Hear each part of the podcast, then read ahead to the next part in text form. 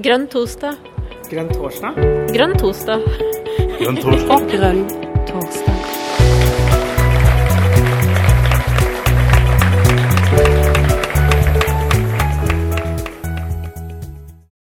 Er velkommen til Grønn torsdag på tirsdag. Det, er, det, skal ikke skje noe mer på lenge, det at vi har Grønn torsdag på tirsdag. Ja, det er I hvert fall ikke før påske.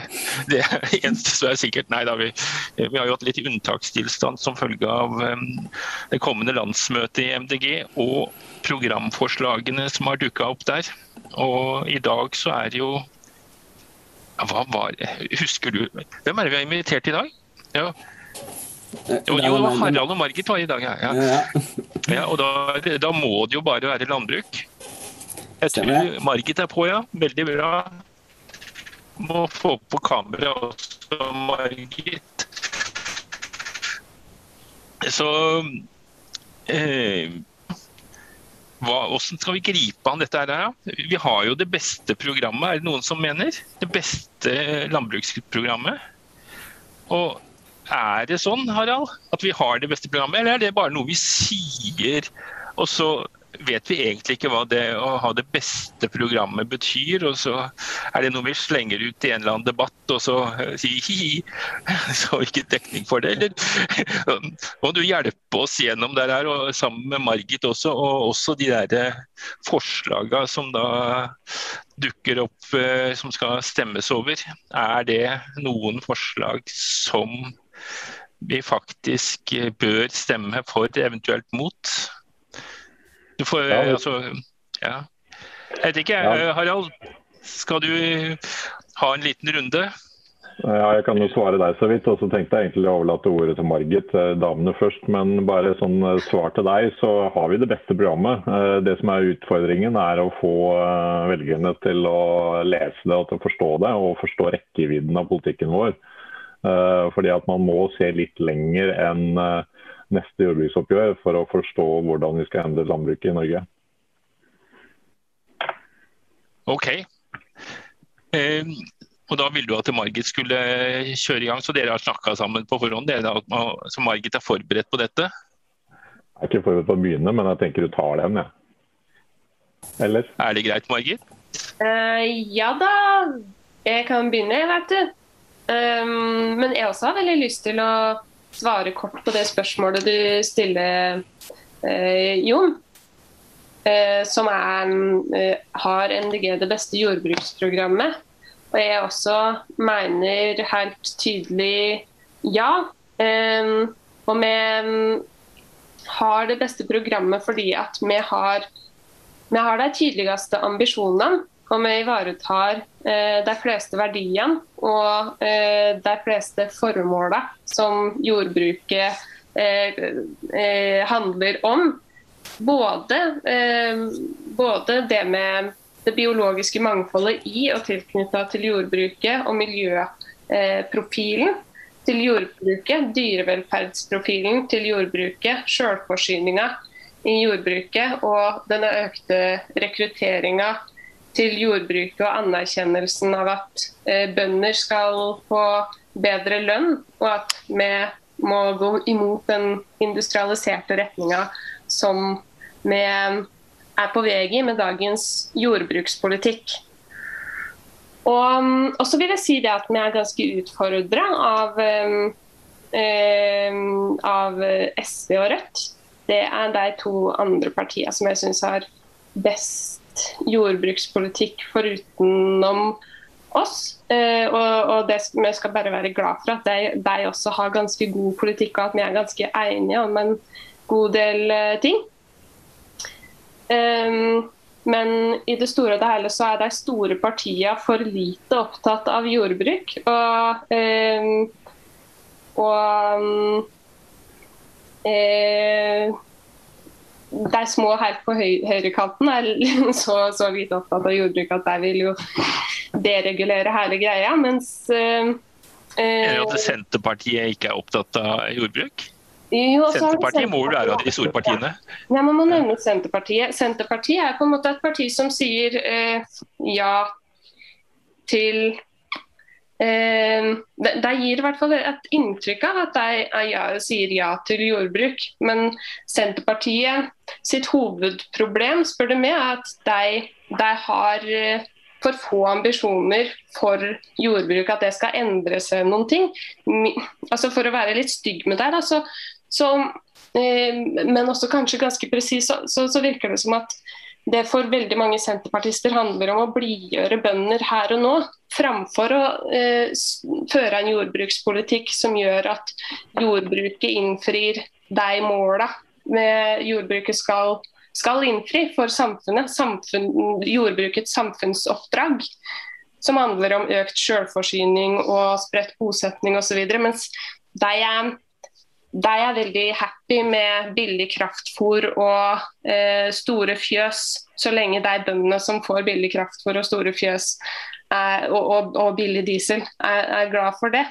Og De fører ikke noen progressiv politikk for, med noen visjoner for jordbruket. Det syns jeg er Senterpartiets aller største problem i, i jordbrukspolitikken. Jeg vet ikke om Harald deler den oppfatninga.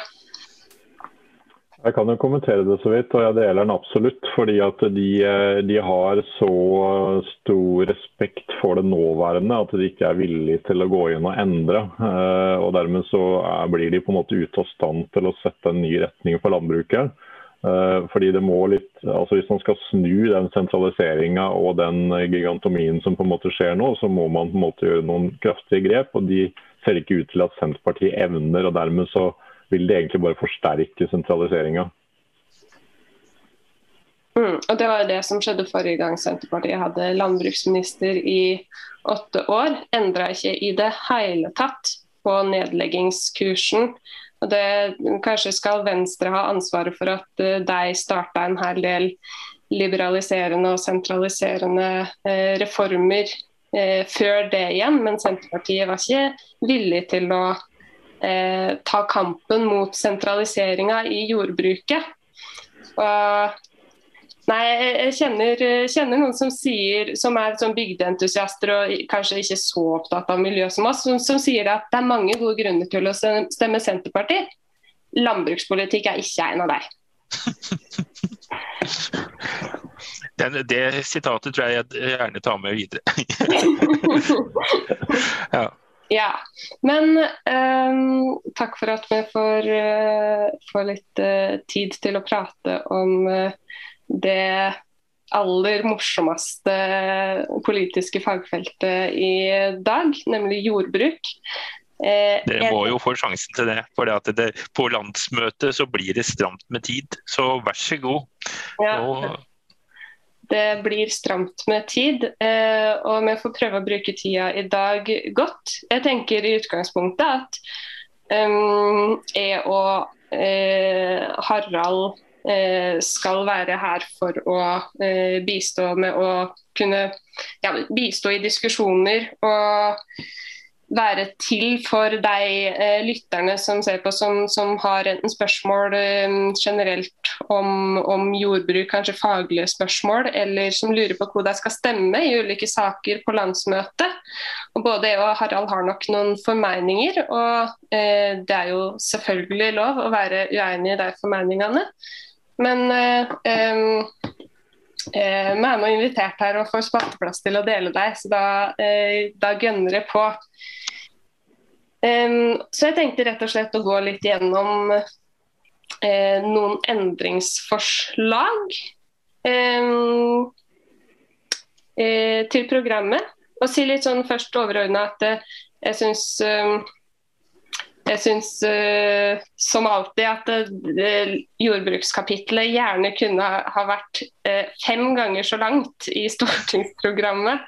Men det syns kanskje alle sammen om sin hjertesak. Og når alt kommer til alt, så uh, syns jeg at programkomiteen har gjort en god jobb med å finne eh, essensen i det som er vår jordbrukspolitikk, det vi står for, og også eh, essensen i å svare på aktuelle, de mest aktuelle utfordringene som jordbruket møter eh, nå. Så honnør til programkomiteen for det. Så um, er det litt diskusjon, er litt endringsforslag eh, som har kommet inn fra ulike lokallag.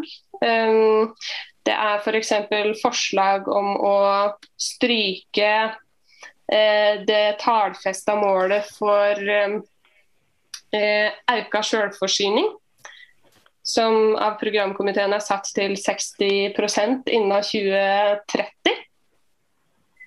Jeg vil eh, fraråde å stryke det. Jeg syns det er eh, kjempefint at vi kan peke på en eh, økt selvforsyning som, som, som er tallfesta, eh, nettopp fordi at eh, fordi at selvforsyninga i Norge er eh, for svak nå, eh, og den er nedadgående.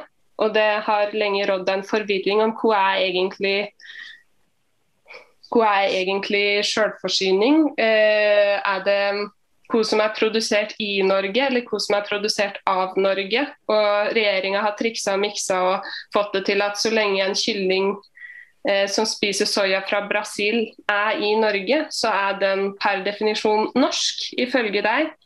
Um, mens selvfølgelig er den jo ikke det. Det er um, det er en, en, brasiliansk kylling, eller en halvbrasiliansk kylling. Um,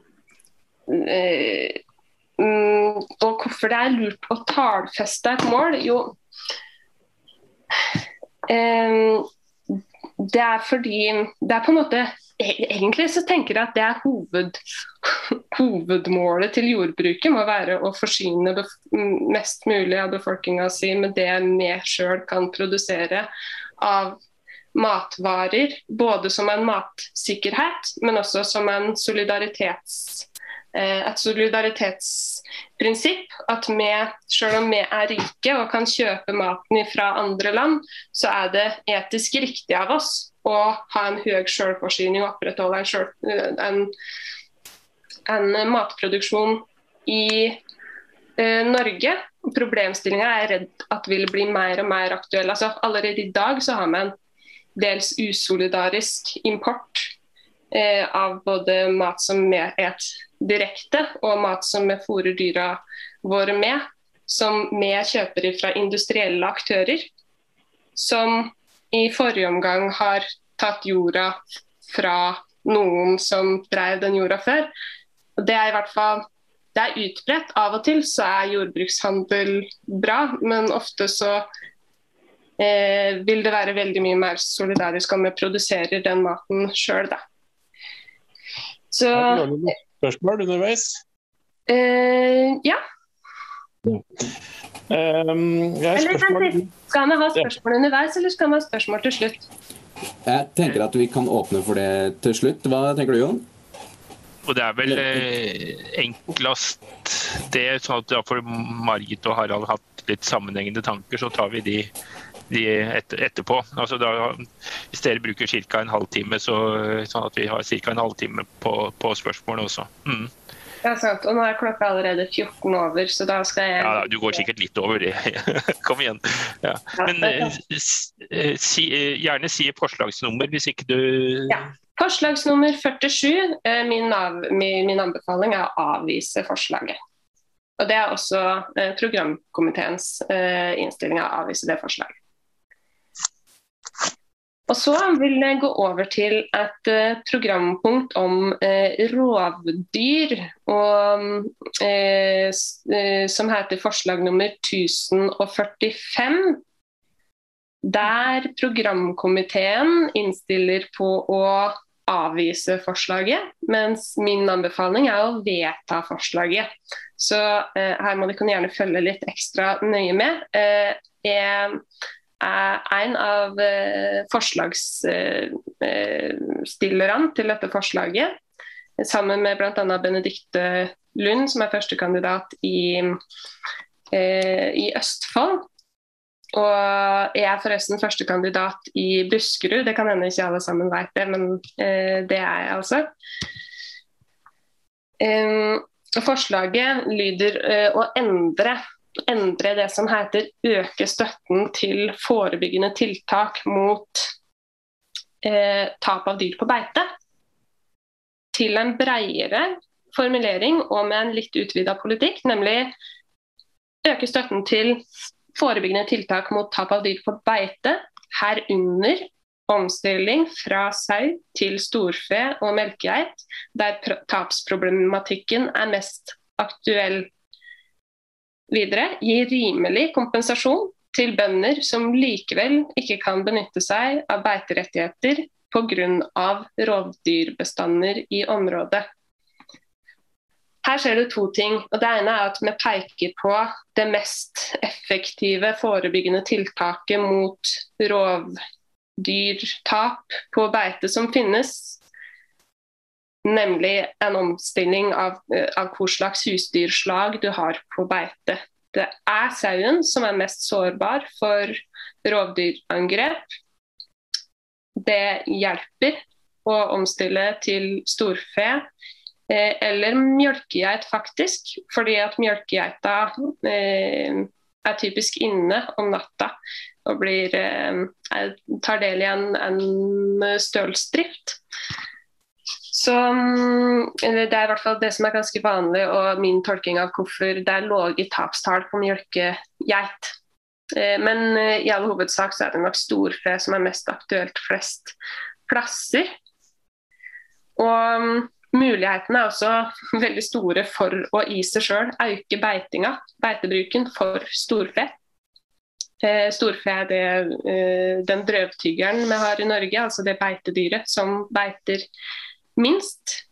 Og eh, jordbrukspolitikken helt for øvrig burde sørge for at den beiter mer. Eh, i stedet for å stå inne på bås og ete kraftfôr også gjennom sommerhalvåret. Eh, så vi har noen muligheter for økt beitebruk der, eh, og redusert, eh, reduserte husdyrtap samtidig.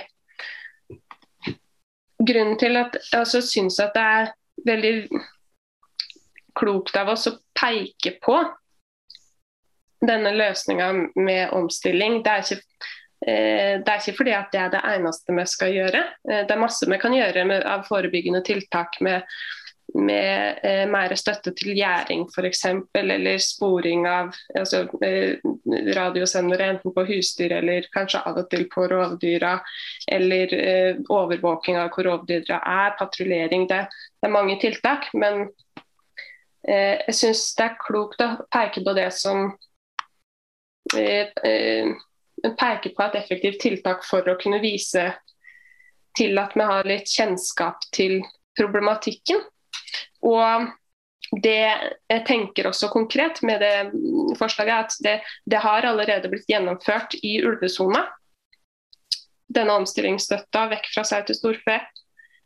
Mm, og jeg mener at om vi vedtar den ordlyden her, så, så, er det tydelig at vi vil utvide den støtteordninga til å f.eks. også gjelde randsoner rundt ulvesona, som i dag har den største tapsproblematikken, eller eh, områder langs svenskegrensa med streifulv fra Sverige.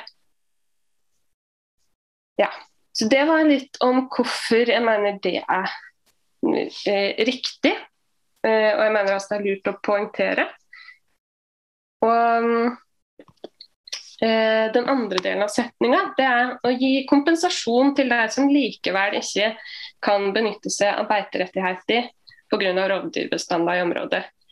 Det, det syns jeg vi skal vedta. Det sto i førsteutkastet til programkomiteen, så sto nøyaktig eh, den, den setninga der. Og så har det tatt det vekk og, og, og jeg, jeg, jeg, til og med sendte en e-post til Ole Jakob Christensen, som jeg for øvrig kjenner godt, som er ansvarlig for dette kapittelet, og spurte hvorfor jeg hadde tatt vekk.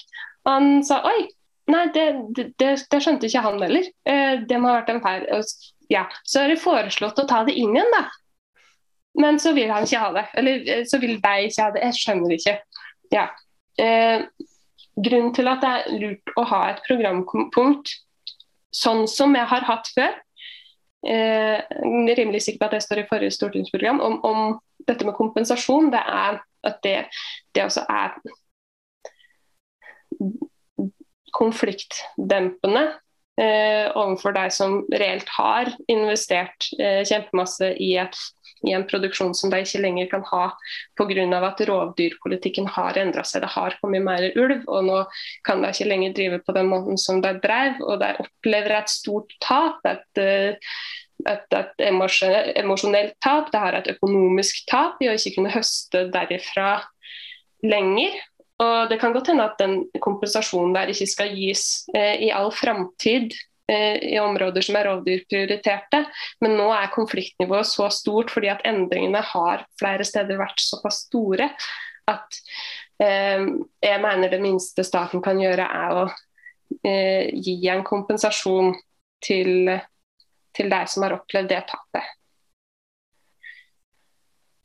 Så Eh, kan vi gå videre? Jeg vet at Harald etter meg skal prate litt om eh, punkter som handler om økologisk landbruk. Og det er bra, så da vil jeg bruke min siste tid på å prate om um, um, matsvinn. Hvis jeg finner det punktet Å oh, nei, nå da, da, da,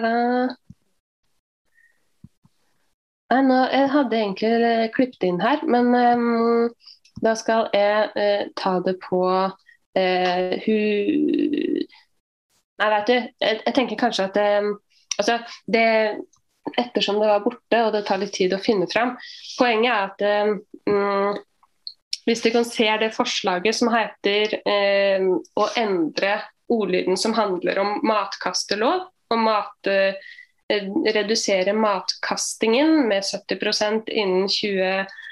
1058. 1058, takk. Mm. Mm. Kan, kan, ikke du referere eh, hva som står der, og så kan eh, folk få litt pause fra at jeg prater? ja. Skal jeg lese gjeldende formuleringer, ditt forslag? Deres forslag? Uh, begge deler. Leser. Ja. Eh, gjeldende formulering. Redusere matkastingen med 70% innen 2030. Bl.a. gjennom en lov om matkasting, avgift på mat som kastes, krav om spiselig mat som er utgått på dato, selges til nedsatt pris eller gis bort. Nye krav til emballasje og holdningskampanjer. Og så har Margit og Sigrid, som i hvert fall er her, og kanskje noen andre, foreslått følgende. Redusere matsvinn i hele verdikjeden med 70% innen 2030. Gjennomføre og innføre matkastelov med tydelige krav og, støtte, og støtteløsninger mot matsvinn. Mm. Det er forslaget deres. Mm. Riktig. Og Da er det altså støtteløsninger mot matsvinn, ikke støtteløsninger mot matsvinn i ett og samme ord. Grunnen til at vi syns at uh, den formuleringa eh, som jeg foreslår der er bedre, er uh, for det første at den er bredere, og for det andre at den, er, den inneholder det å støtte løsninger, mens den andre handler om bare krav eller lov mot.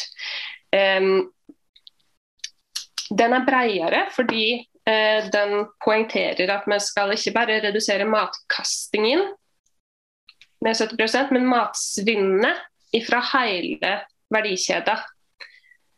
Og eh, er og det, det, kan hende det er intensjonen, men jeg syns det kommer for, for, dårlig fram når en skriver matkastingen. Det høres vel ut som det de driver på med i matbutikkene, mens det er ikke like åpenbart at eh, poteter som er igjen på jorda og ikke blir høsta derifra, at det er matkasting. Men det er definitivt matsvinn. Og eh, grunnen til at det også eh, bør, at vi bør få inn det med å støtte løsninger mot matsvinn, at eh, jeg er veldig sikker på at det finnes veldig mange veldig mange muligheter for å omsette mat som i dag blir til matsvinn. Fordi utrolig masse av det er eh, fullt spisbar mat. Kanskje mat som har rar eh, form av fasong eller rare dyredeler, eller sånn som er sjeldnere å spise. eh, eller korn som har litt nedsatt eh, Litt for lavt gluteninnhold for å komme inn på de hyperindustrialiserte bakeriet.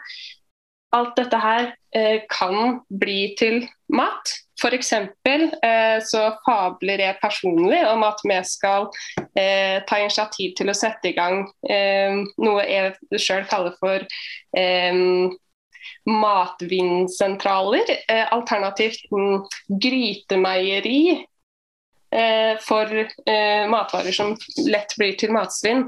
Der vi kan lage altså gryte av f.eks. høne Høne blir typisk til sement, det har mange hørt om. Eh, og, og, ta ei høne sammen med skeive gulrøtter eh, og eh, eh poteter som ikke ble solgt fordi at det var eh, vanskelig markedssituasjon. Rør de sammen og gi det som gratis skolemat. Eller eh, som mat til Forsvaret eller eh, som mat til eldreinstitusjonene. Eller lag en form for fjordland. En, en, fjordland som kan subsidieres eller støttes gjennom, gjennom type, Det er utrolig masse mekanismer vi har i, i jordbrukspolitikken som kan gjøre at vi kan, kan, få til eh, de mest fantastiske ting, eh, hvis vi bare tar i bruk det verktøyet vi har. så eh, poenget er at eh, med den formuleringa som vi foreslår, så mener jeg at vi øker ambisjonsnivået. Og også, um, også handlingsrommet som jeg f.eks. har, dersom jeg kommer inn på Stortinget, til å kunne lodde stemninga og, og, undersøke om sånn, utrede sånne type løsninger. Så da eh, har jeg gått gjennom tre programpunkt som jeg syns er viktige for meg. Og, gir, um, og det er mange programpunkt som er spennende, men nå får Harald prate, og så får vi ta resten i diskusjonen. Takk. Vær så god, Harald. Ja takk. Eh, når Margit kom inn på matkasting, så så jeg for meg at uh, Grønn tirsdag ble to timer istedenfor én. Så det, for her, det, her, her, har Margit mye på lager. Men takk for det. Eh, takk for at jeg fikk komme. Det som er utfordringene med både landsmøtet vårt og programforslagene, er jo at det er veldig mange. Så her er det jo masse å, å ta tak i, og det er også en god del innenfor dette området. Men det som jeg hadde lyst til å snakke litt om, det var egentlig økologisk landbruk og viktigheten av å være veldig tydelig på det. Hvor jeg føler at en del av forslagene vingler litt i forhold til det. Uh, og det som, uh, det som, jeg føler at, eller som gjør at vi må være, være tydelige, det er at uh, folk vil ha økologiske matvarer. Men de får jo ikke kjøpt de. og Dermed så funker det fryktelig dårlig den strategien som regjeringen har lagt opp. De sier at vi skal produsere økologiske matvarer når det er et marked. Eh, men det er et dysfunksjonelt marked, og dermed så funker jo ikke dette i det hele tatt. Og Derfor så trenger vi en ganske klar stemme på dette, og den stemmen vil jeg gjerne være. Eh, og Det er ikke bare folk som vil ha det. Eh, jorda vil ha det, insektene vil ha økologisk. Eh, og vi trenger en eh, økologisering i, i Norge i mye større grad enn vi har. Og økologisk landbruk, selv om man kan på en måte mislike visse prinsipper og strenge regler osv., så, videre, så er det helt klart en spydspiss hvor vi ser at det andre landbruket endrer seg i den retningen. Slik at Det å gå foran, så, så, gir det en føring som gjør at det blir mindre stuereint å fortsette med det konvensjonelle. Eh, selv om man ikke egentlig hadde tenkt å vike for det økologiske, så påvirker det ganske kraftig. Men Men hvis vi har en eh, utvikling som vi har nå, hvor det økologiske faller i areal, eh, og dermed liksom bikker under 5% og nedover derfra, 4,5 eh, eller som det er nå, så, så blir det for svakt og, og, mister den evnen til å være den korreksjonen som det skal være. Og så er jeg også litt sånn at jeg fraråder på en måte å bytte ut økologisk med bærekraftig. fordi det er, bærekraftig er et uttrykk som kan brukes til alt mulig rart. Og Vi ser det jo litt med, med FNs bærekraftsmål, som nå brukes i alle sammenhenger. og hvor, hvor, vi ser da forskjellige legger forskjellige ting i det. og hvor Noen elsker da FNs bærekraftsmål nummer åtte, for den inneholder økonomisk vekst. Og den andre gruppa er veldig glad i nummer 17, for det betyr at vi skal samarbeide. Selvfølgelig skal vi samarbeide, men vi er på en måte nødt til å følge noen av de andre bærekraftsmålene enn de to.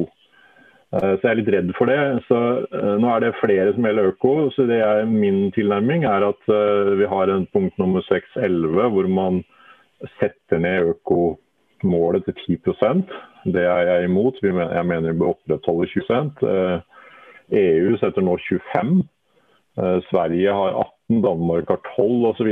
Slik at vi må ha noe å strekke oss etter her. Pluss at vi, når vårt parti skal lage et program, så skal vi ikke lage et program som måtte ligne på de andre partiene, eller som tekkes de andre partiene. Vi skal lage vårt eget program og vi skal stå for det, sånn at de andre har noe å strekke seg etter.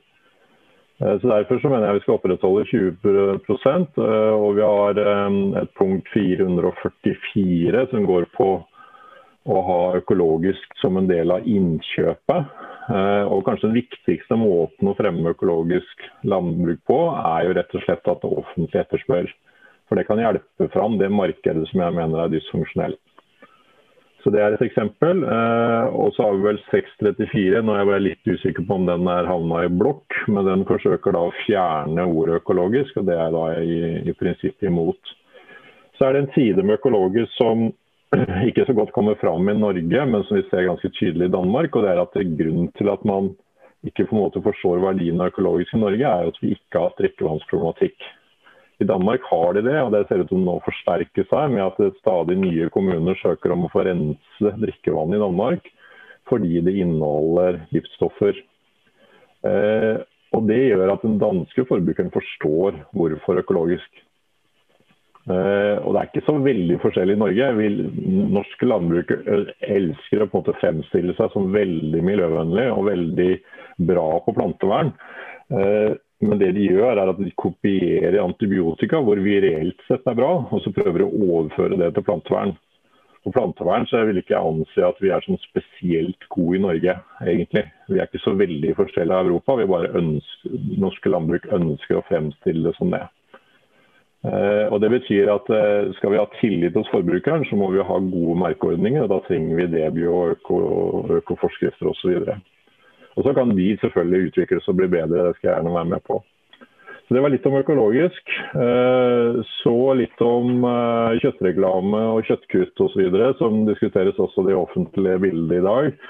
Uh, og Jeg er vel av de som Jeg er på en måte kanskje en litt sånn mellomsituasjon her. Jeg tenker at det å forby kjøttreklame er å gå altfor langt. Uh, fordi at Hvis man skal liksom begynne å definere alt som er usunt, så blir vi liksom aldri ferdig med å forby reklame. Nå skulle vi gjerne selvfølgelig fjerna masse reklame, eh, men jeg er ikke med, helt med på den tankegangen der. Jeg føler at det, det funker litt mot sin hensikt i forhold til målet vårt.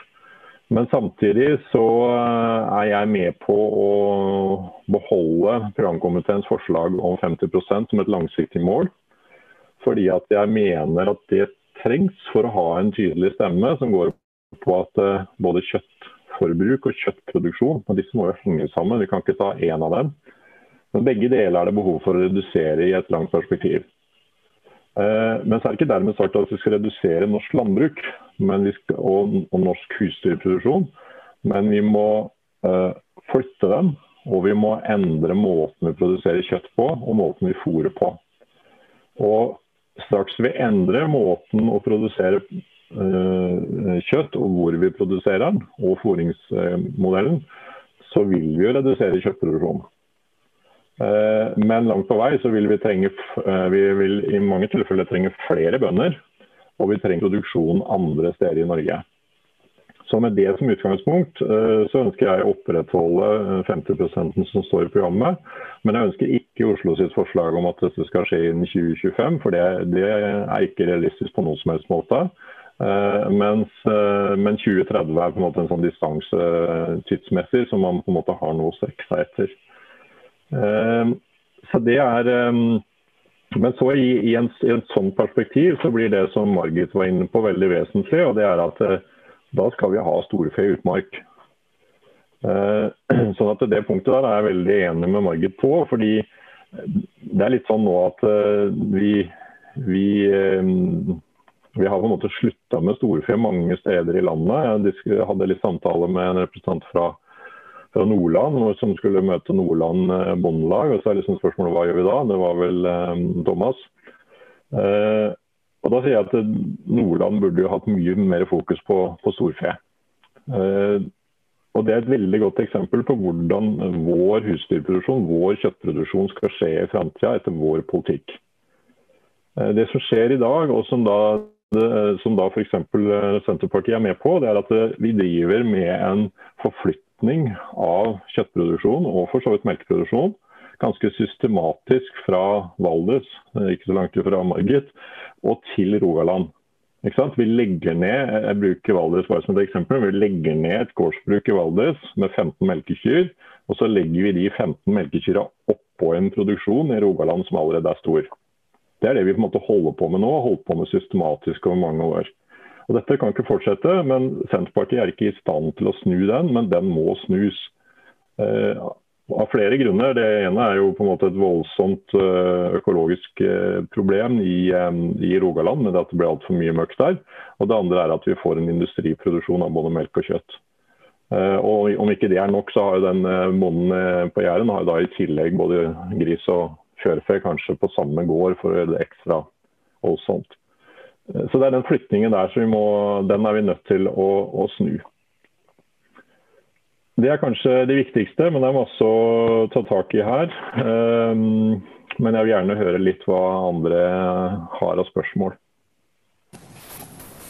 Takk skal du ha, Harald. Jeg ser at Margit eh, ber om å få ordet her, så da skal hun få det. Og mens eh, Margit prater, så eh, vil jeg oppfordre folk til å tegne seg. Da må dere gjerne bruke raise hand-funksjonen. Eller så kan dere skrive i chatten. Vær så god, Margit. Mm. Takk for uh, dine ord, Harald. Eh, jeg skal um, si litt kjapt om dette med kjøtt kutt at jeg nok um, Jeg tenker at det er sånn ca. halvering vi uh, kommer til å gå i retning av. Uh, det ser vi på at uh, måten vi produserte kjøtt på for ca. 50 år siden, det, det ga oss ca. halvparten av den mengden kjøtt som det vi har i dag. Og da hadde vi en bedre arealbruk. Mm, likevel så, eh, så, så, mener jeg at eh, den formuleringa om å halvere kjøttforbruket er litt støy i debatten, fordi, i hvert fall fra et jordbruksperspektiv. Fordi at det flytter det, det, på en måte likes, det, det, flytter fokuset vekk fra produksjonsmetode og over til forbruket. Og jeg mener at det er det, desidert viktigste for bærekraft og for, for, jordbrukets samfunnsoppdrag for øvrig, det er at produksjonsmetoden er god.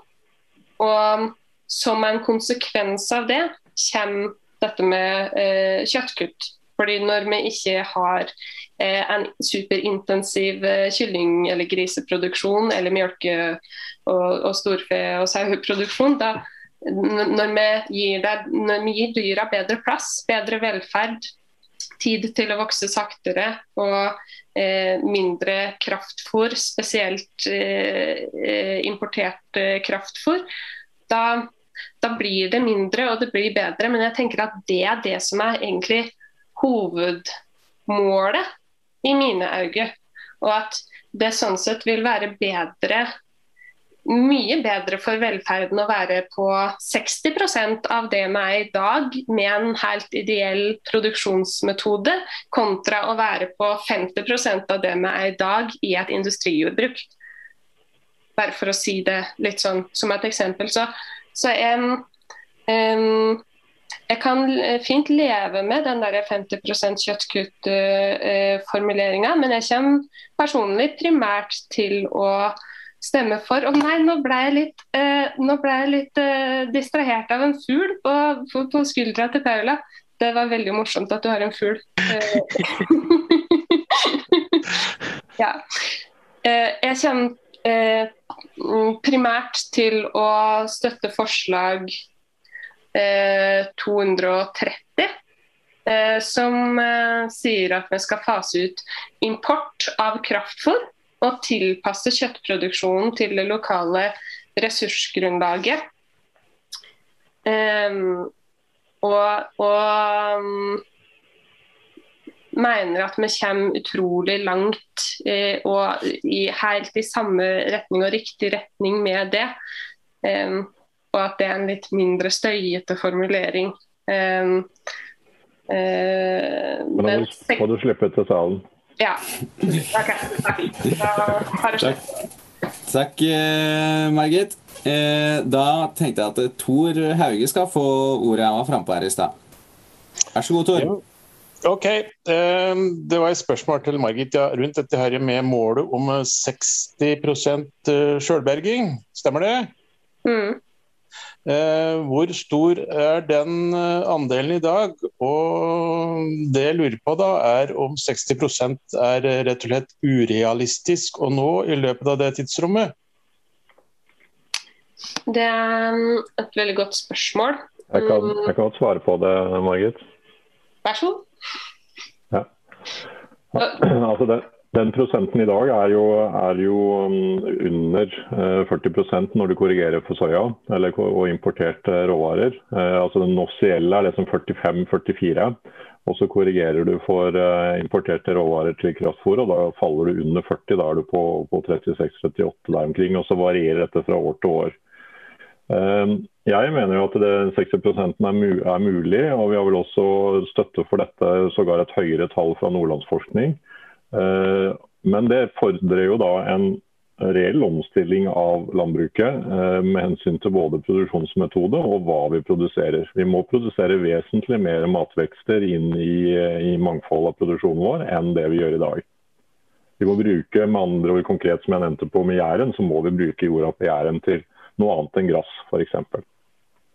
Men Jeg mener det er fullt mulig, men det krever en omstilling. Og det, og det, og det må jo på en måte også følges opp med kostholdsrådsendringer. Mm. Takk.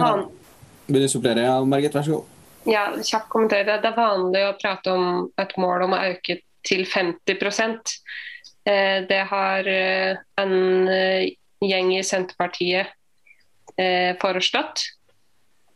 Eh, og det, det, er nok enklere å oppnå, eh, mens 60% i mye større grad krever en eh, omlegging til et mer plantebasert kosthold. Mens 50 mhm. det kan vi få med dagens kosthold på norske råvarer. ish. Er det mulig med en kommentar? Vær så god, Tor. Eh, jeg tenkte på det at eh, Hvis du da samtidig skal gå inn for en eh, større økologisk produksjon, så er jo det mer arealkrevende.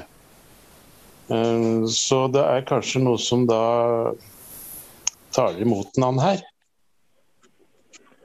Ja, Det er jo en, eh, en vanlig mm, en måte innsigelse mot det økologiske. Eh, men det vi ser i, eh, i den sammenheng, er jo på en måte at vi må, ha, vi må mikse produksjoner her. Sånn at vi, så Det som har vært en av mine kjepphester, er jo at vi i mye større grad skal ha matvekster inn på husdyrbrukene. For da har vi gjødseltilgang, og hvis vi har gjødseltilgang og gjødsela brukes på rett måte, så er det ikke noe opplagt at, at avlingene går ned. Det viktigste for å få avlingene opp, det er å få flere hender i jordbruket.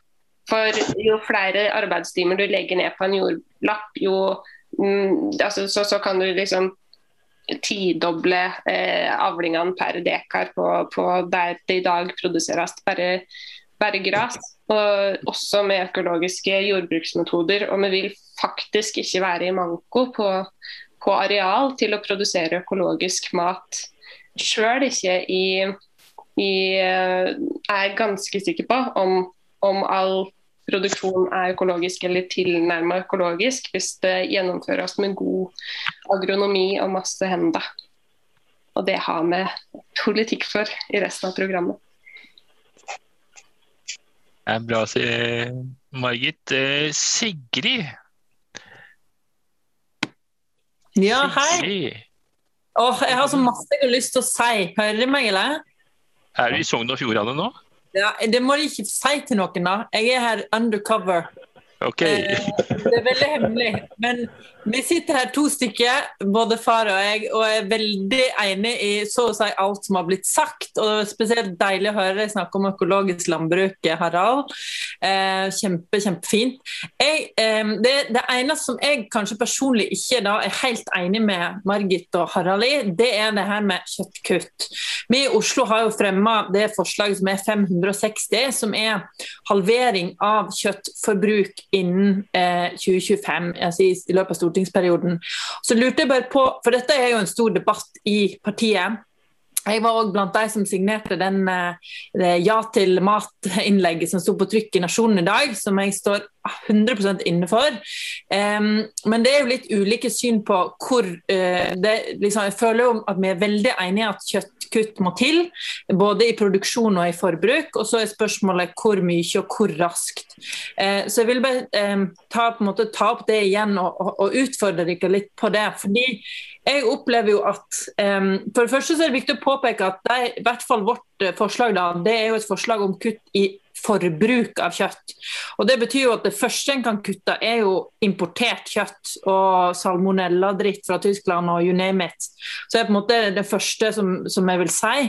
Eh, men så er jeg jo veldig enig i det du sier, Margit, om at det å, det å, legge om landbruket i en mer dyre velferdsretning og i mer selvforsyningsretning, det vil jo medføre eh, kutt i produksjon av kjøtt eh, og dermed forbruk uansett. Men samtidig så er det jo litt sånn hvis vi er klare på det, hvis vi skal være tydelige på det, at vi er nødt til å ete mindre kjøtt. Vi eter over dobbelt så mye som vi har godt av og som vi gjorde før.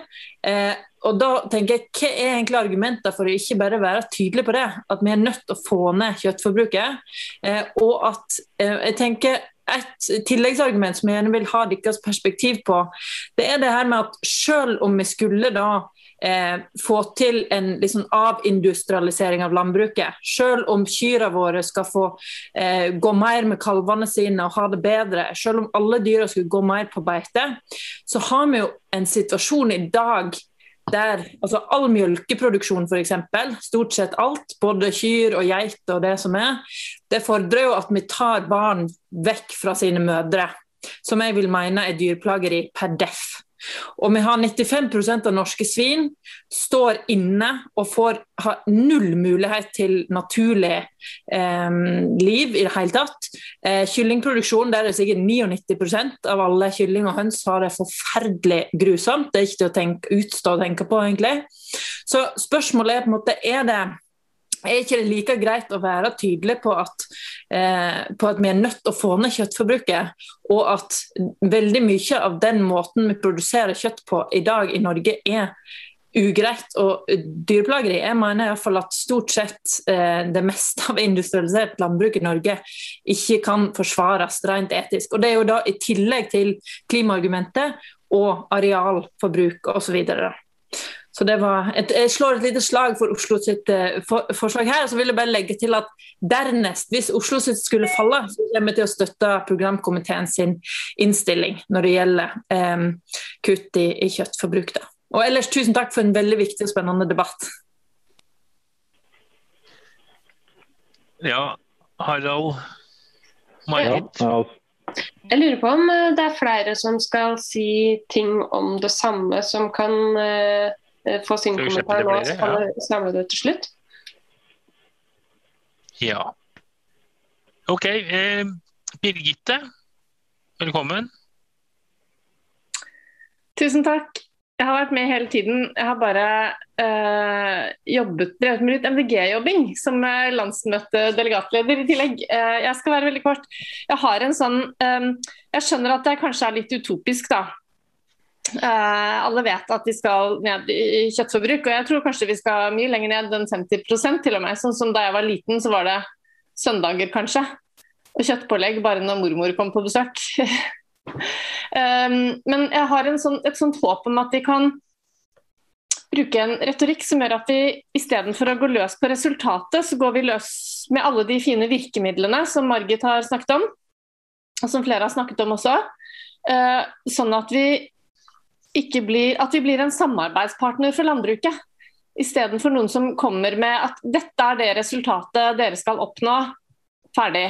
Eh, fordi det blir så det, altså, Jeg tror alle kan kjenne det. da. Hvis vi får noe tredd nedover hodet på oss, så er det sånn uh, Jeg har bestemt at vi skal gjøre sånn, istedenfor hva tenker du om at uh, Hvordan skal vi få til dette? Hvis vi, hvis vi får til uh, bedre lønn til bøndene og bedre dyrevelferd og ikke noe soyaimport og uh, ta vare på kulturlandskap og ja, flere insekter og sånn. Altså Hvis vi får til de tingene, så tror jeg det er så mye lettere å få landbruket med oss enn delvis mot oss, sånn som vi erfarer nå. Og da vil vi antageligvis komme raskere til målet.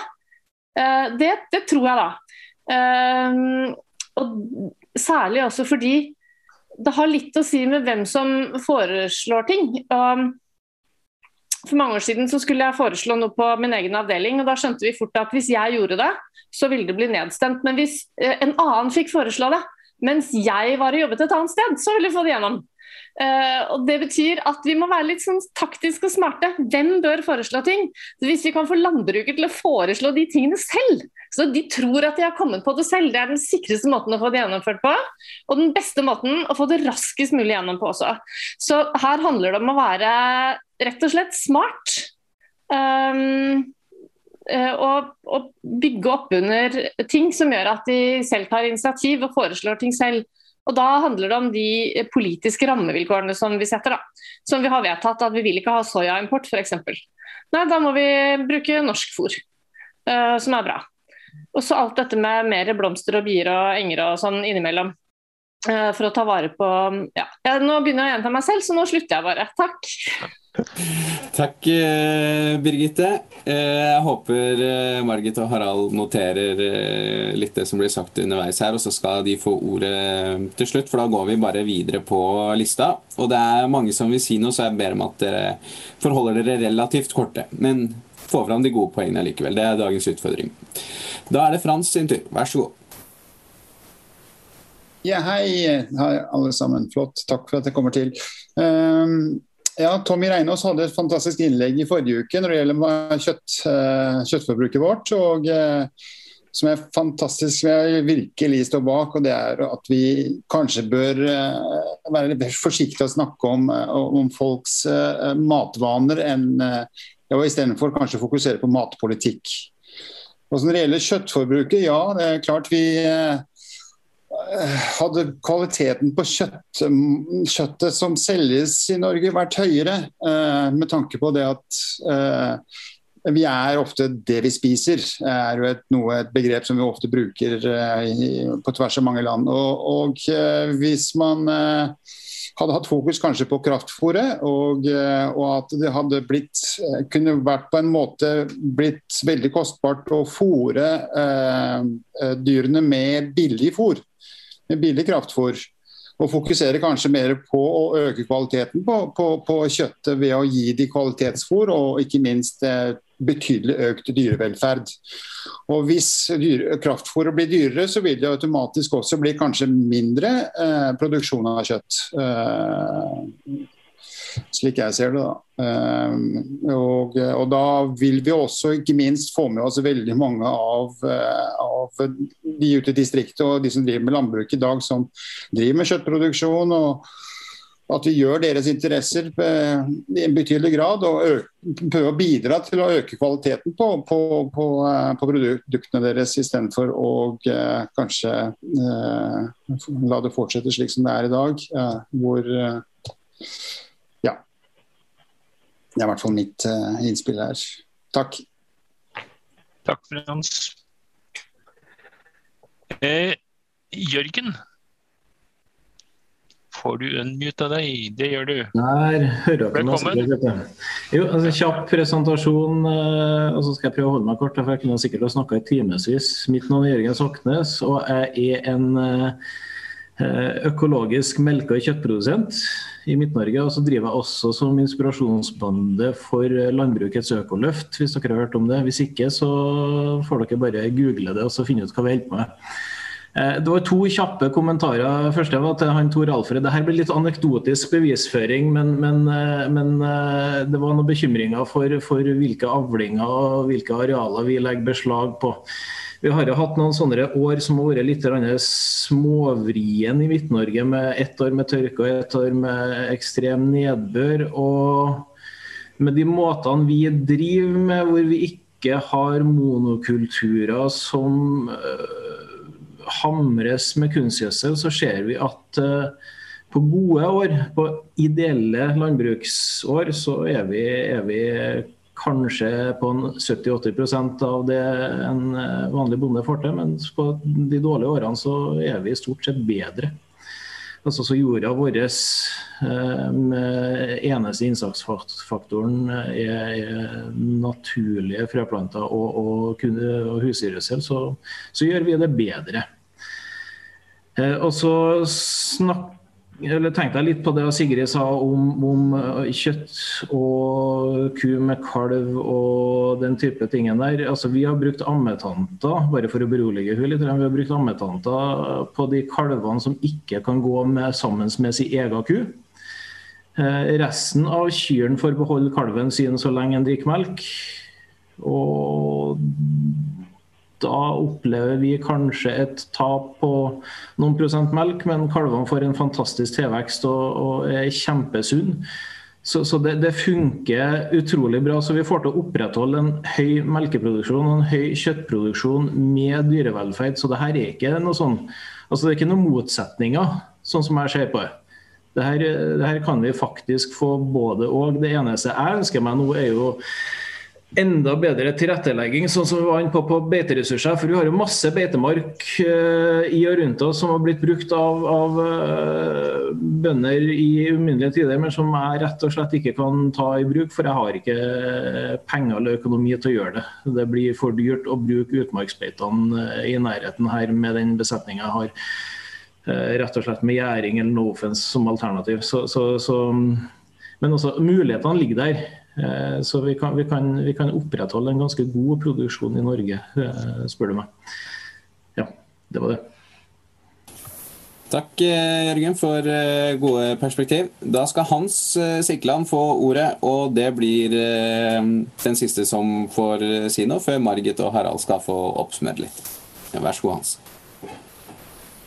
Tusen, tusen takk, og takk til Margit og Harald for inspirerende ord. Ehm, jeg tilhører Miljøpartiet i sånn, på, i Bærum. Eh, bor her på et småbruk og bygger opp et eh, permakulturelt eh, småbruk.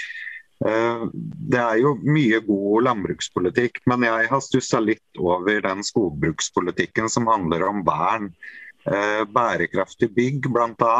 Der trenger vi en skogbrukspolitikk som handler om at vi må ha en formålstjenlig vern. Ikke nødvendigvis bare vern der hvor uh, en grunneier ønsker uh, eller stiller disponibelt skog for vern, uh, med tanke på en litt kortsiktig økonomisk gevinst. og så var det dette med eller noe av det Sigrid var inne på, så kjente jo jeg at Birgitte fikk rett med en gang. Eh, jeg har vært eh, grisebonde før. Um, og jeg har jo sett en lykkelig gris.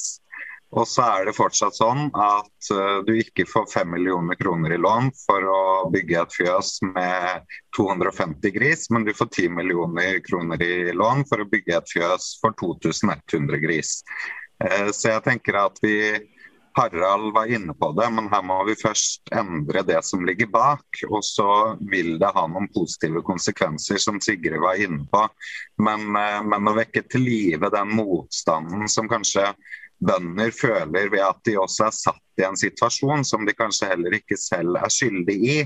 Eh, men er det som, som de må operere med, tenker jeg at det, det, er nok litt der motstanden min ble vekka. Da, uten at, uh, Og så må jeg prøve å finne ut av hva, hva den egentlig sier meg. Men det uh, å gjøre en sånn kognitiv undersøkelse, det tror jeg ikke, tror jeg ikke samfunnsdebatten kommer til å gjøre. Uh, så da blir det bare ord mot ord og veldig mye skurr.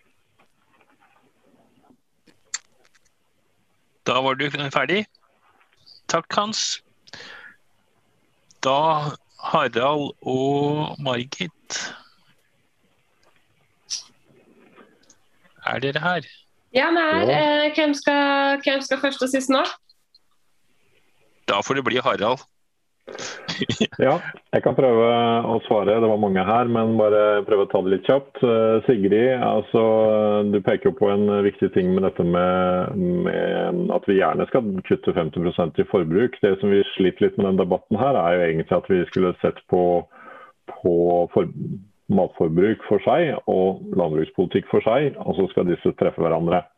Uh, så Det sliter vi litt med i programmet også. altså Disse debattene går liksom på en måte oppi hverandre. Uh, så, så, jeg vil jo egentlig si at uh, kanskje vi skulle støtte Oslo sitt forslag med 50% hvis vi snakker om kjøttkonsum. og så kan det hende landbruket trenger litt lengre tid på seg enn til 2025 for å, for å redusere sin produksjon. Uh, så det er det, men jeg som, som Sigrid egentlig er ute etter å være, være, tydelig her, og det er derfor jeg vil ha 50% med. For landbruket gjør dette sjøl, som Birgitte var inne på. Det må jeg vel egentlig si at det prøver vi stadig. Vi har årlige møter med Bondelaget. Jeg utfordrer Bondelaget ganske hardt. Jeg har utfordra det såpass mye at de kom på besøk på gårdsbruket mitt. Eh, etter at jeg liksom hadde tatt noen runder i Nasjonen.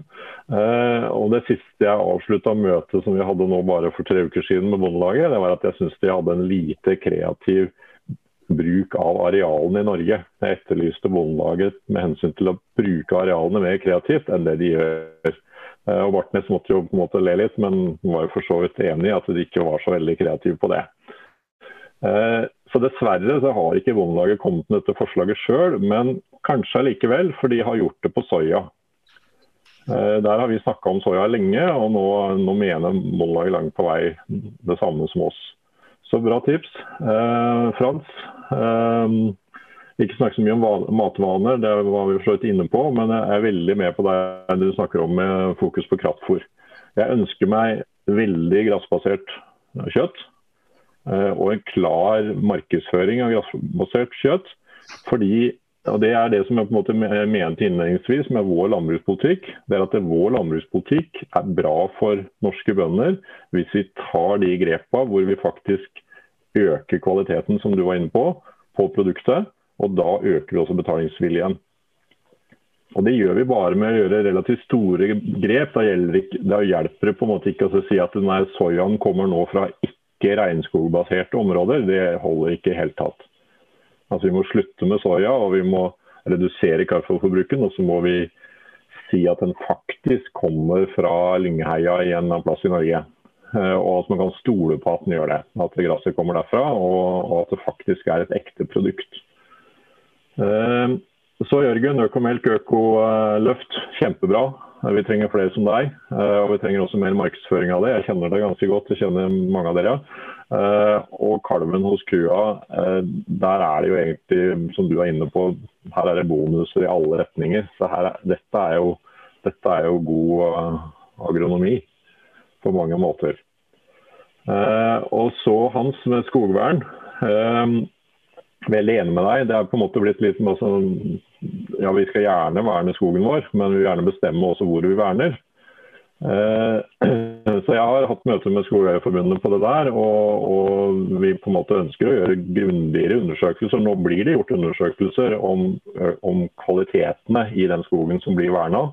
Jeg har sjøl her i lokallaget vårt i Horten en som er ansatt i i direktoratet og jobber med den type taksering. Og er ute og ser på den skogen som det er foreslått verna med frivillig vern. Eh, sånn at Det er ikke helt tilfeldig hva som blir verna her, men jeg er likevel enig i prinsippet ditt. Men så, også, så driver jeg også utfordrer Skogeierforbundet på at uh, vi har plass til å verne. Vi kan godt verne 10 uh, eh, fordi at vi sløser ganske kraftig med resten av skogen. Uh, og vi eksporterer jo masse råvarer, altså uh, tømmer direkte til Sverige, som vi kunne ha foredla i Norge, og som vi kan bygge mye, mye hus og mye konstruksjoner med. Slik at det er, noe, det er, fullt mulig å gjøre bedre. Det var vel de hadde notert. Veldig bra spørsmål. Margit kan supplere. Ja, eh, tusen takk for veldig gode, innsiktsrike spørsmål. Det er så spennende og gjør meg også litt uh, skjelven å være toppkandidat for et parti som har så masse uh, praktikere og så masse innsiktsrike folk. Uh, og jeg vil benytte anledninga til å si at vi finnes her også uh, når det ikke er grønn torsdag. Bare ta kontakt om du kan ha lyst til å diskutere de tinga her mer i, mer i dybda. Um, og så har jeg lyst til å begynne å svare til eh, til han som eh, dette med eh, investering og gjeld og store fjøs og eh, Innovasjon Norge-retninga uh, som har vært at du, skal, du, du, får støtte hvis du bygger jævlig svært, eller sånn oppunder taket på, på, det som er konsesjonsgrensa. Så får du ikke støtte hvis du har lyst til å investere i noe som er mindre. Og Det er jo noe vår politikk tar tak i. Og um, Senest forrige uke så var jeg ute og sa at eh, nå må vi vri investeringsstøtta over på de små eh, melkeprodusentene. Og fikk uh, kjempegod respons på det. fra, vi ble til og med oppringt og kontakta på Facebook av bønder fra rundt omkring i hele landet som har liksom etterlyst det. Og det, det bør gjelde ikke bare for å innfri løsdriftskravet, eh, som mitt eh, innlegg handla om, men også for andre husdyrslag. og det kan vi sikkert bli enda flinkere til å, til å synliggjøre og, og, fronte som en mulighet for at eh, folk kan drive både med dyr og med grønnsaker f.eks. Så Um, jeg er enig i at vi må heve verdien på beite. Og jeg har også trua på uh, at det finnes et helt mangfold av løsninger for ku pluss kalv, eller kalvevelferd, kuvelferd, um, og som, som vi har råd til å, på en måte vi har råd til å gi den mjølka til kalven eller investere i de løsningene som er på full frammarsj der. Og vi har også vedtatt et programpunkt om det i mjølkeresolusjonen vår, som ble vedtatt i september. Mm, og for øvrig spennende at det økologisk er bedre i dårlige år enn konvensjonelt. Um, så skal jeg avslutte med noen refleksjoner om, om, om kjøttkutt igjen. da. Um, vi kan tenke at det vi vedtar på landsmøtet av formulering, vil eh, kunne ha utslag på kommunikasjon. Det vil kunne ha utslag på praktisk politikk, men ikke nødvendigvis.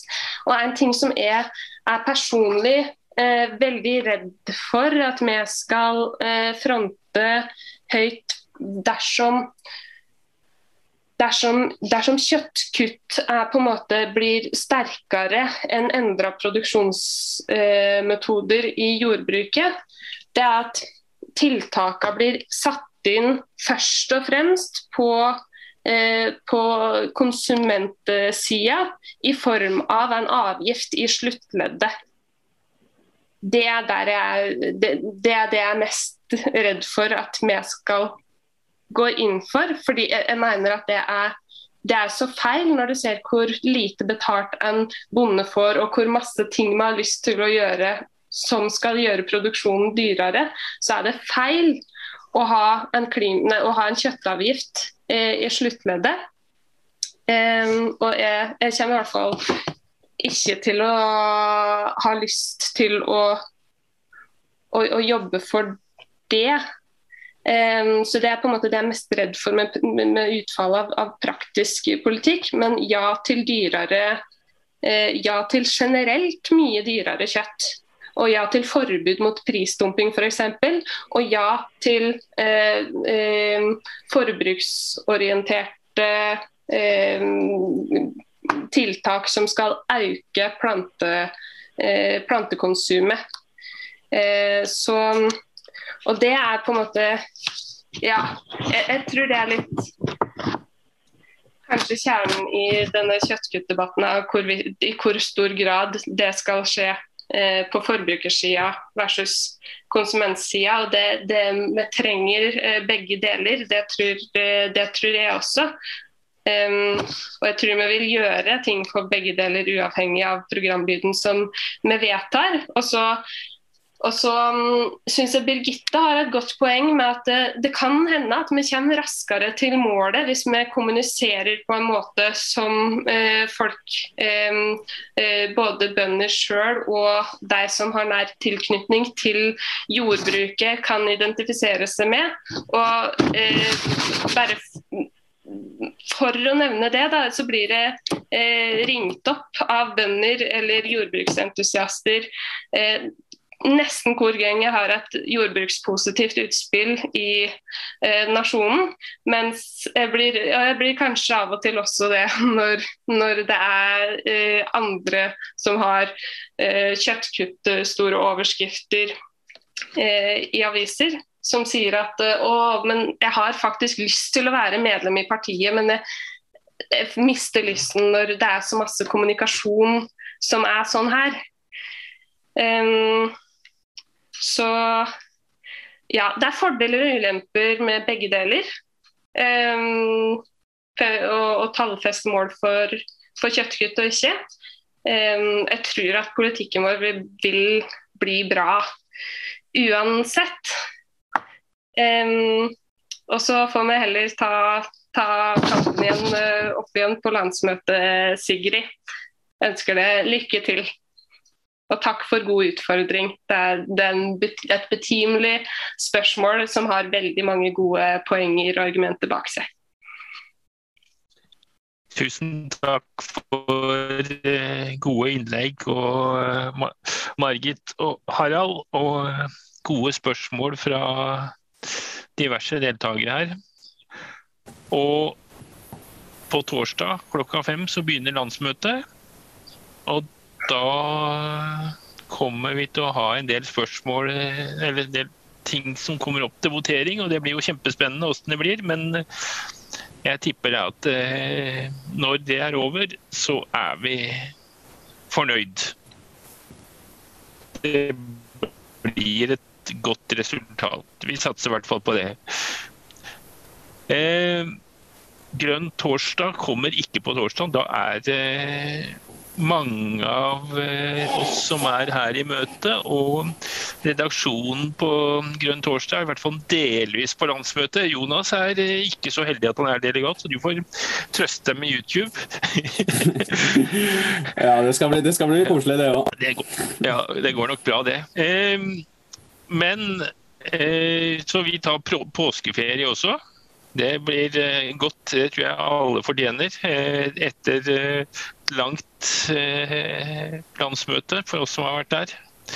Og Så kommer vi tilbake igjen torsdag over eh, påske, og da er jo full fart fram mot valget. Så da har vi med partisekretær, hvis vi gjenvelger den, da.